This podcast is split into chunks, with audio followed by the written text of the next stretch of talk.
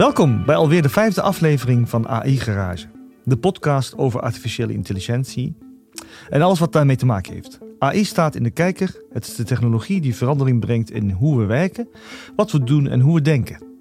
AI maakt onze levens makkelijker, maakt onze handen vrij en kan informatie ontsluiten. Maar AI zorgt ook voor lastige vragen.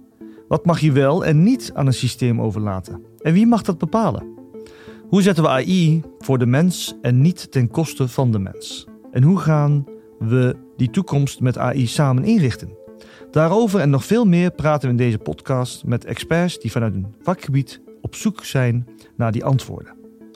In deze aflevering spreken we over AI, journalistiek en onderzoek, waar AI een gamechanger kan zijn. Ik ben Eddie Satjan en je host bij deze podcast. Vandaag achter de microfoon Danielle Arets, lector journalistiek en innovatie bij Fondshogeschool van Journalistiek. We gaan het hebben over journalistiek, innovatie, AI en de tool Nieuwsleider, die een collega van Danielle heeft ontwikkeld. Eerst laat ik mijn gast zich even voorstellen. Hallo, ik ben Danielle inderdaad. En uh, de, misschien meteen al de Newslider is inderdaad een tool waar we um, met collega's, hè, wat je al zei, mee samengewerkt hebben. Maar uiteraard ook met AI-specialisten. Um, komen we natuurlijk helemaal over te praten. Maar het is goed om uh, meteen te zeggen dat wij heel graag multidisciplinair uh, werken. En zeker ook waar het dit soort vraagstukken betreft. Dat is heel mooi. Um, ik begin bij mijn eerste vraag. Nou, innovatie en journalistiek. Dus bij sommige mensen is dat uh, niet in één adem uh, te noemen. wat vind jij daarvan? Waarom zou journalistiek innovatief moeten zijn? Ik um, denk dat ieder vakgebied innovatief zou moeten zijn. Um, dus zeker ook de journalistiek en zeker nu. We zien natuurlijk op ieder gebied um, heel veel uitdagingen. Journalistiek heeft ontzettend veel uitdagingen op het gebied van desinformatie zeker ook opkomende technologie, waaronder artificiële intelligentie, heeft een enorme impact op het vakgebied. En dat vereist dat journalisten daar allereerst nieuwe vaardigheden voor moeten ontwikkelen. Gewoon echt tech-savvy eh, worden. Dat klinkt altijd wel lekker, maar dat betekent echt een hele flinke update van het journalistieke systeem. Het onderwijs, de werkwijze, want deze technologie heeft nogal een impact. Maar het betekent ook het kritisch nadenken over de betekenis daarvan op het hele journalistieke proces. En ook daar moeten we echt eh, flink in innoveren om ervoor te zorgen dat we daar de juiste kennis voor gebruiken, maar dat we ook zorgen dat we vooraan in die ontwikkelingen staan. We kunnen het ons niet veroorloven, zeker in deze tijd niet, om vanuit de journalistiek een beschouwende houding te hebben. We moeten daar middenin staan en mee aan ontwikkelen. Om ervoor te zorgen dat we nou, daar de vruchten van plukken en de misstanden op tijd kunnen tackelen.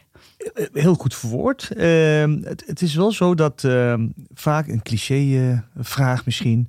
Hebben we nog journalisten als AI zich verder ontwikkelt? ik las een artikel over het feit dat de Nederlandse bibliotheken tegenwoordig boeken laten recenseren door een AI. Dat is veel sneller, misschien goedkoper. Um, je zult die vraag misschien vaker hebben gehad. Dus hoe zie je de toekomst van journalistiek met betrekking tot AI? Ja, nou een heel mooi voorbeeld wat je gebruikt. Uh, ik las het ook inderdaad uh, met ook de ontzettende woede die dat oproept bij de recensenten van uh, de bibliotheken. Die echt vrezen voor baanverlies terecht ook, want daar zullen banen door verloren raken. Maar er komen, zoals bij iedere technologie, ook nieuwe kansen. En ik kijk, uh, ben een optimist, maar ik kijk ook heel graag vanuit de kansen en mogelijkheden die dit biedt voor de journalistiek. En we zien zeker op het gebied van AI dat inderdaad dat soort gebieden als wat we ook wel aanduiden als natural language generation, dat er um, automatisch teksten geproduceerd kunnen worden op basis van goede gestructureerde datasets, kunnen we een weerbericht of een financiële financiële rapportage eigenlijk al heel goed door AI laten maken. En dat gebeurt ook. En in die zin zie ik dat als kans, want laten we wel wezen, dat is niet het meest uitdagende journalistieke werk om hele sets data te doorvlooien en daar een kort stukje tekst uit te maken. Waar het vervolgens komt om de reflectie, de analyse en de diepte research, daar is en er zal ook altijd juist goede journalistiek bij nodig zijn. En misschien wordt dat nu wel belangrijker dan ooit tevoren.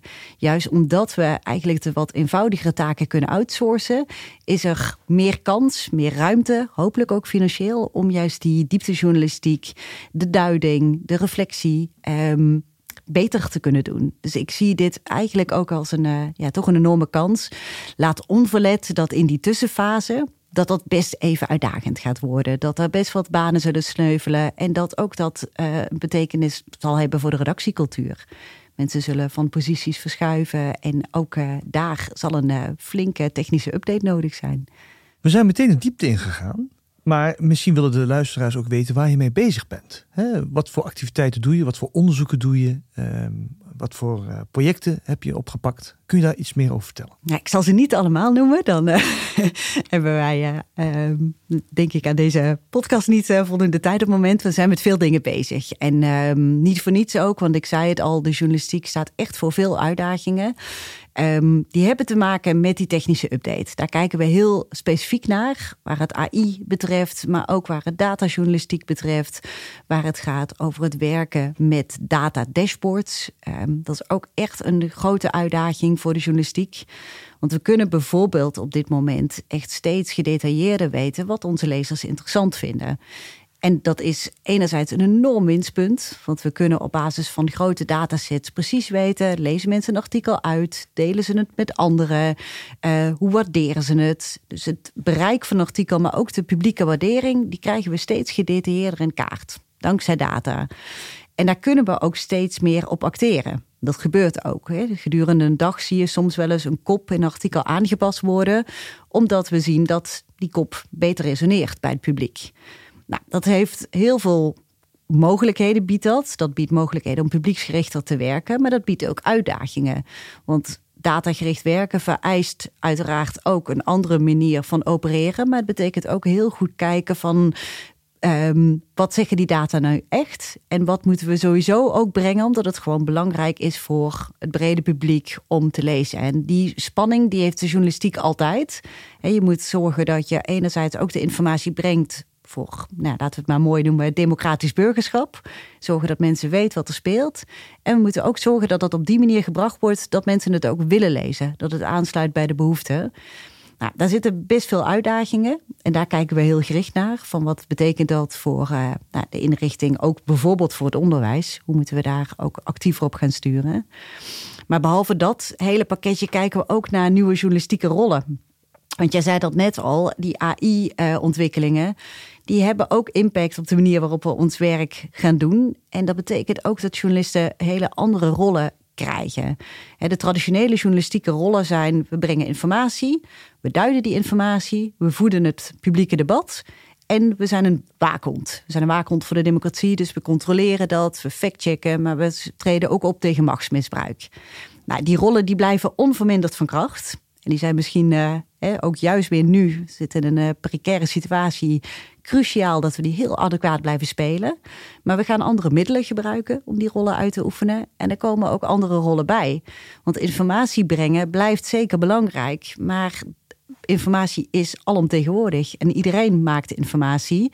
Dus we gaan ook steeds meer informatie cureren. En AI helpt daarbij. AI kan heel snel heel veel informatie selecteren, um, ook labelen op een manier dat we er handig gebruik van kunnen maken. En dat betekent dat een journalist um, nog meer moet gaan duiden en die informatie op een andere manier kan gaan vertalen. Dus daar komen nieuwe rollen bij en daar kijken we ook heel nadrukkelijk naar. Dat is even een paar, uh, paar wenken op jouw vraag van wat we allemaal doen. Maar met name die technische update, dat is een belangrijke. Um, maar ook zeker die samenwerking met het publiek van hoe zorgen we dat hetgeen wat we doen, dat het publiek daar ook echt uh, nou ja, blij van wordt. En dat we zeker ook, want journalistiek ligt onder een vergrootglas. He, wordt ook wel, jij zei het zelf ook, van is die journalistiek nog wel nodig? Dat heeft niet alleen met die techniek te maken, maar journalistiek heeft ook de afgelopen jaren best wel last gehad van een nou ja, dalend vertrouwen. Mensen worden niet altijd blij van de attitude, met de manier waarop nieuws gebracht wordt. Dus ook daar hebben we werk aan te winkel om te zorgen dat we het vertrouwen herstellen en dat we weer echt een, uh, nou ja, de cruciale, essentiële partner zijn uh, in het publieke debat die we horen te zijn. Wat een dynamische beroep, hè? Als je het zo Leuk, uh, beluistert. Ja. Uh, in mijn, vroeger hè, dan dacht ik, ah, journalisten die gaan wat mensen interviewen en dan ja, gaan ze erover schrijven. en met hun eigen mening of sausje eroverheen. En dat doen ze ook nog Natuurlijk. steeds. Hè? En, en met verven. Alleen betekent, hè, zeker nu met alle debatten die we zien, uh, alle rellen die we, hè, corona hebben we dat heel nadrukkelijk gezien. Samenleving is sterk gepolariseerd. Dus ook dat betekent dat uh, voor journalisten betekent het soms hele nieuwe vaardigheden om zich daar ook goed in te mengen. Het is uh, soms ook echt met gevaar voor eigen leven om te zorgen dat je daar op een goede manier dat gesprek, het publieke gesprek kan blijven voeren. Je triggerde me wel. Data, heel veel beroepsvelden gebruiken steeds meer eh, data om tot inzichten te komen, insights en uh, daar beslissingen over te nemen. Wat voor effect heeft het op de clickbait? Dat de, ja, dat, dat de redactie of de, jullie bazen uh, van de journalisten zeggen van... hé, hey, ja, dit, we willen veel meer lezers. Dus schrijf zo aan de hand van de data die we kennen... Ehm, op, ja, dat, dat er meer mensen naar klikken. Uh. Ja, ja, terechte vraag. Um, we hebben het uh, recent onderzocht onder de illustre titel Journalism by the Dashboard Light. Dat vonden we goed klinken.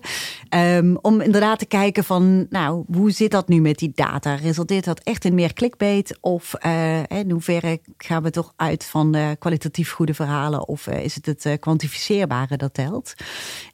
wij zien in de redacties die wij onderzocht hebben dat er echt heel verantwoord gestuurd wordt op dashboards.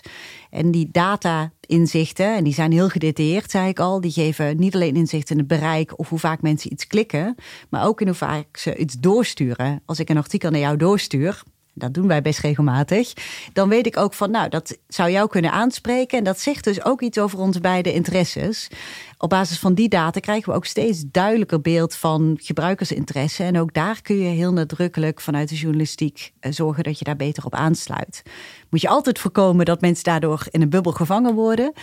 Um, maar dat betekent zeker dat daar uh, zorgvuldige eindredactionele houding voor nodig is. Dat ja, we sturen, we kijken naar die data, gebruiken het ook om artikelen zo te schrijven dat ze aansluiten bij die interesses en ook liefst aansluiten bij gebruikersbehoeften.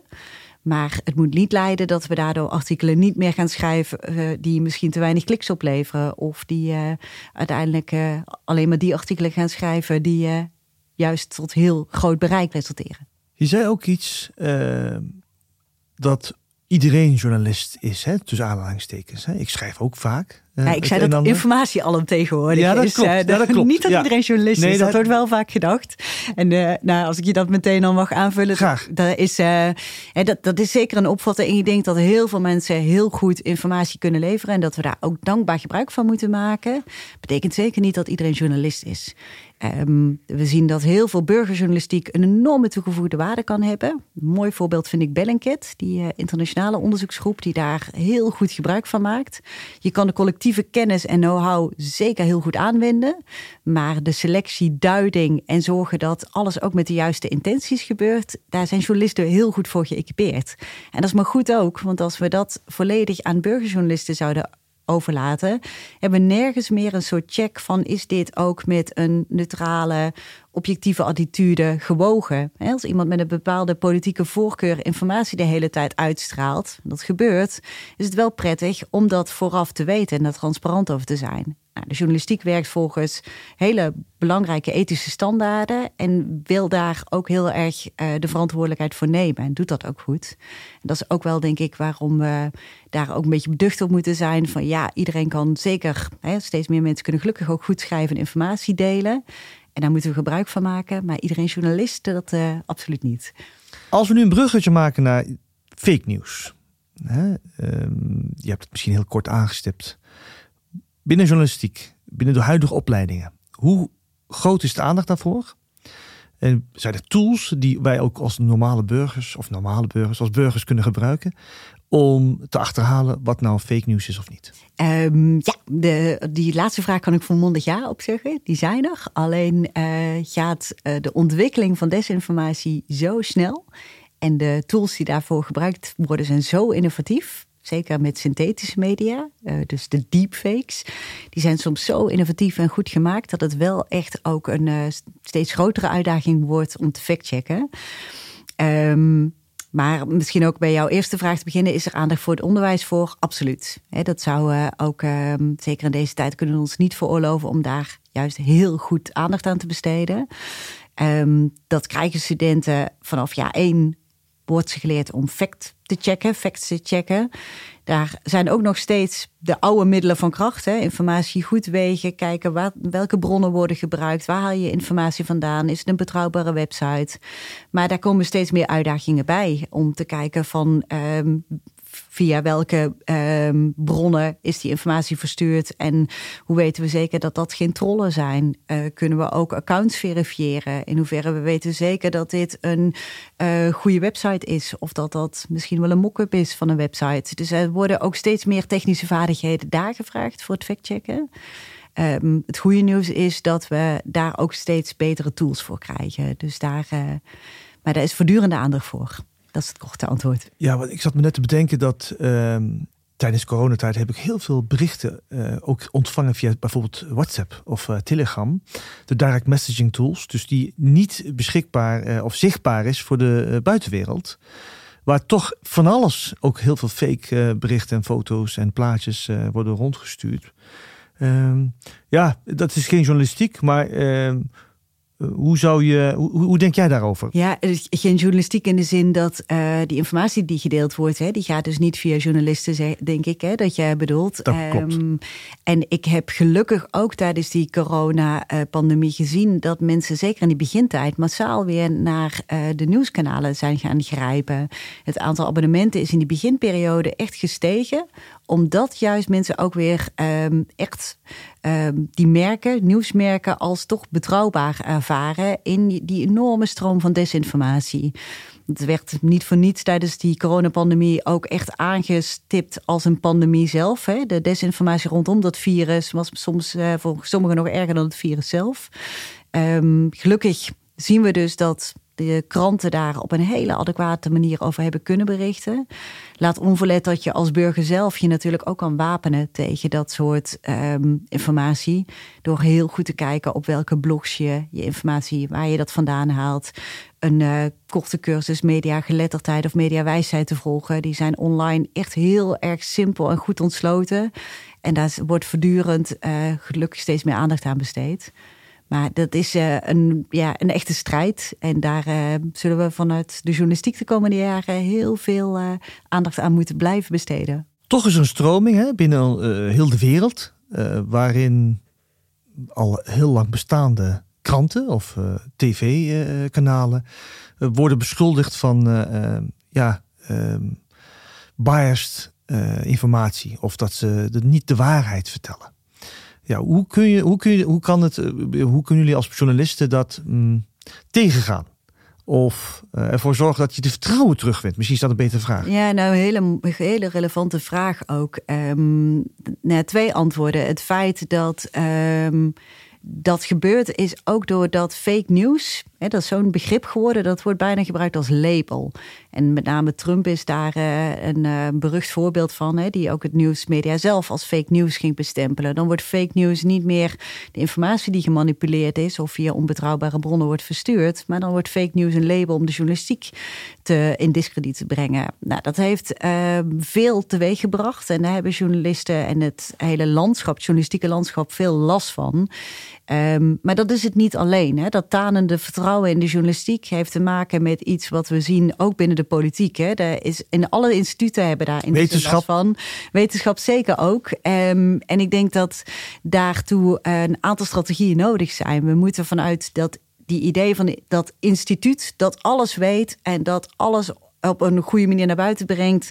Dat kunnen we niet meer. Dat kan geen enkel instituut. Dus daar moet je ook heel transparant in zijn en ook durven zeggen wat je niet weet. Um, journalistiek moet ook op die manier, en dat, daar zie ik ook hele grote stappen gezet worden, nog sterker uh, publieksgericht werken en ook publieke verantwoording doen. Dat gebeurt ook, maar ik zie dat zeker afgelopen jaren steeds meer, dat redacties ook burgers uitnodigen, lezers uitnodigen om in redactiepanels mee te denken en gewoon gezamenlijk na te denken over hoe herstellen we dat vertrouwen. En daar is werk aan de winkel vanuit um, de instituten zelf en die brede maatschappij. Want dat, uh, ja, we zagen het bij de verkiezingen. Die uh, opkomst is nog nooit zo laag geweest. Dus ik denk dat we met elkaar ook moeten nadenken: wat hebben we nodig om weer wel uh, het vertrouwen te beleggen in instituten die we juist nu zo hard nodig hebben. Om uh, toch met elkaar een, een betere verantwoordere informatiemaatschappij te creëren. Kun je toch wat kort vertellen over Nieuwslider? Wat, wat Ja. kan het? En Een concreet project, ja, hè? Ja, ja. Dat is altijd fijn. Ja, nou, we hebben, eh, want dat heb ik eigenlijk nog niet gezegd. In die innovatie, eh, of innovatieve projecten die wij doen, ehm, werken we heel graag samen met ontwerpers en met ehm, ja, IT-specialisten. En met name ehm, het project Newslider is daar een heel exemplarisch eh, voorbeeld van. Daartoe hebben we gekeken.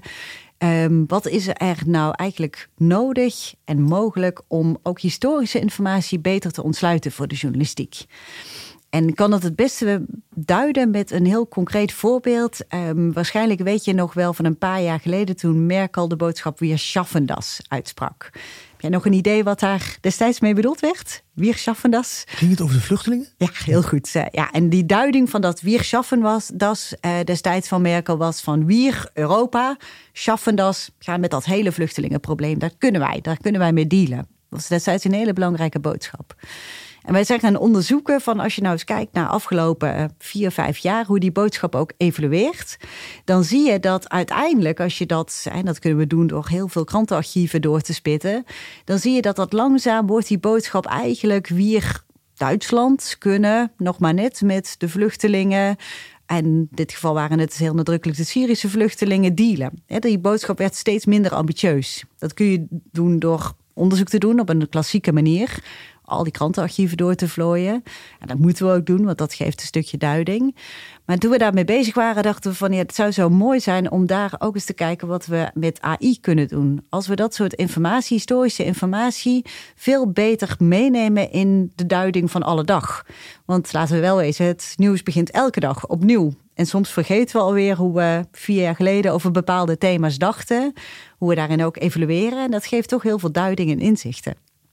Toen zijn we een project begonnen dat heet Newslider. Waarbij we met ontwerpers, een IT-bedrijf, um, ID Fuse heet dat. En het ontwerpbureau is uh, Cream on Chrome.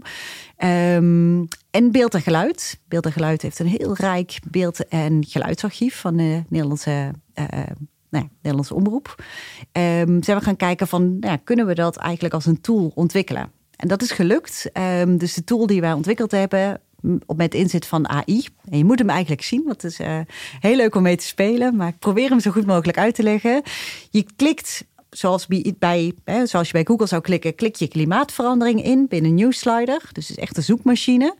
En Newslider haalt dan het hele archief voor je naar boven en zit die keurig op een tijdlijn en laat zien van, nou in de jaren tachtig hadden we het over zure regen. Daarna evolueerde het debat naar het gat in de ozonlaag. En nu hebben we het vooral heel vaak over emissierechten. Die laten keurig zien hoe de taal eigenlijk verandert in de loop der tijd, maar ook hoe die sentimenten daarin veranderen. We zijn daar anders over gaan nadenken. De paniek wordt ook steeds groter en terecht. Maar ook welke iconische beelden. Toen Pronk op de klimaattop daar een boodschap over hield, werd daar veelvuldig over geschreven. Dus die iconische beelden die gebruikt zijn door het journaal of door uh, nieuwsprogramma's, die zetten we ook op de tijdlijn. En dat is uh, een beetje wat Newslider is. Fantastisch. Kan ik dat ook gebruiken? Ja, op, nou ja, op dit moment zitten we nog in een, uh, zoals dat zo mooi heet, nou, we zijn een uh, MVP-fase voorbij. Dus het prototype is echt doorontwikkeld. Um, maar we hebben hem nu bijna zo werkend dat hij echt ook publiekelijk gebruikt kan worden. En daar zien we ook veel andere mogelijkheden. Dus voor de journalistiek kan het, zoals ik al zei, de duiding geven en ook ons helpen om af en toe te, eens even een stapje terug te doen en te reflecteren op het op het nu. Om te kijken van, hey, zijn er historische inzichten die hier misschien een stukje duiding aan kunnen geven. Of die ons kunnen helpen om ook gerichter naar uh, actuele debatten te kijken. Maar het kan ook voor hele andere toepassingsgebieden heel relevant zijn, denk ik. Ik ben heel erg benieuwd. Hou, hou uh, ons en de, en de luisteraars Gaan we zeker uh, op de hoogte. Kom ik graag terug. Um, wil je nog iets meegeven aan de luisteraars omtrent AI en journalistiek? Nou, um, kijk, dit is een hele concrete toepassing. Newslider is echt waarin je AI bijna als een tool, hè, jij zei dat heel goed, inzet. En dat kan de journalistiek empoweren. En ik denk dat daar veel mogelijkheden zitten. We kijken ook voor AI voor onderzoeksjournalistiek.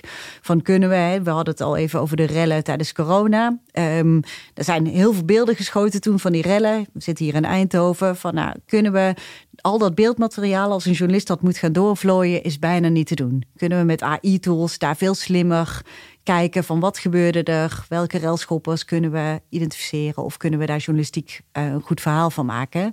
Dus ik zie heel veel kansen voor AI voor onderzoeksjournalistiek. We zagen dat ook met de Panama Papers bijvoorbeeld. Als het grote hoeveelheden data zijn, dan kun je met AI daar zeker uh, slim gebruik van maken. Daar moet wel een, heel nadrukkelijke maar bij. In deze podcast heb jij daar uh, denk ik heel veel en ook heel goed aandacht aan besteed. AI ehm, is afhankelijk van de hand van de maker. En daar moeten we ook vanuit de journalistiek dus actief bij betrokken zijn. We kunnen niet zomaar iedere AI-tool die ontwikkeld is keurig de journalistiek in uh, sluizen. We moeten daar actief in kijken van hoe kunnen we dat volgens die journalistieke waarden zo ontwikkelen dat het ook verantwoord gebruikt is.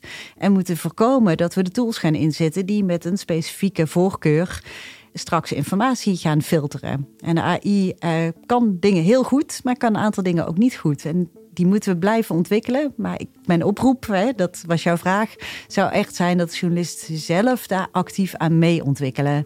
En daar is die technische update, daar begonnen we mee, echt cruciaal voor. Dus dat, uh, dat blijven we stimuleren. We kunnen hier denk ik echt uren over praten, Danielle. Maar uh, moeten we een andere keer doen. Doen we. Ik heb wel, dankzij jouw verhaal gehoord, uh, en ik weet het nu zeker, dat AI ons kan helpen om de wereld beter te begrijpen. Uh, zeker op momenten dat we de capaciteit en de tijd er niet voor hebben. En dat ook de journalisten en onderzoekers hier uh, als ja, fantastisch hulpmiddel uh, in kunnen zetten. Zolang het maar op de juiste manier en de ethische manier en duidelijke manier gedaan wordt. Heel erg bedankt, Danielle. Jij bedankt. Ehm, beste luisteraars, bedankt voor jullie aandacht. We hopen dat jullie er weer bij zijn voor onze volgende aflevering. Tot dan.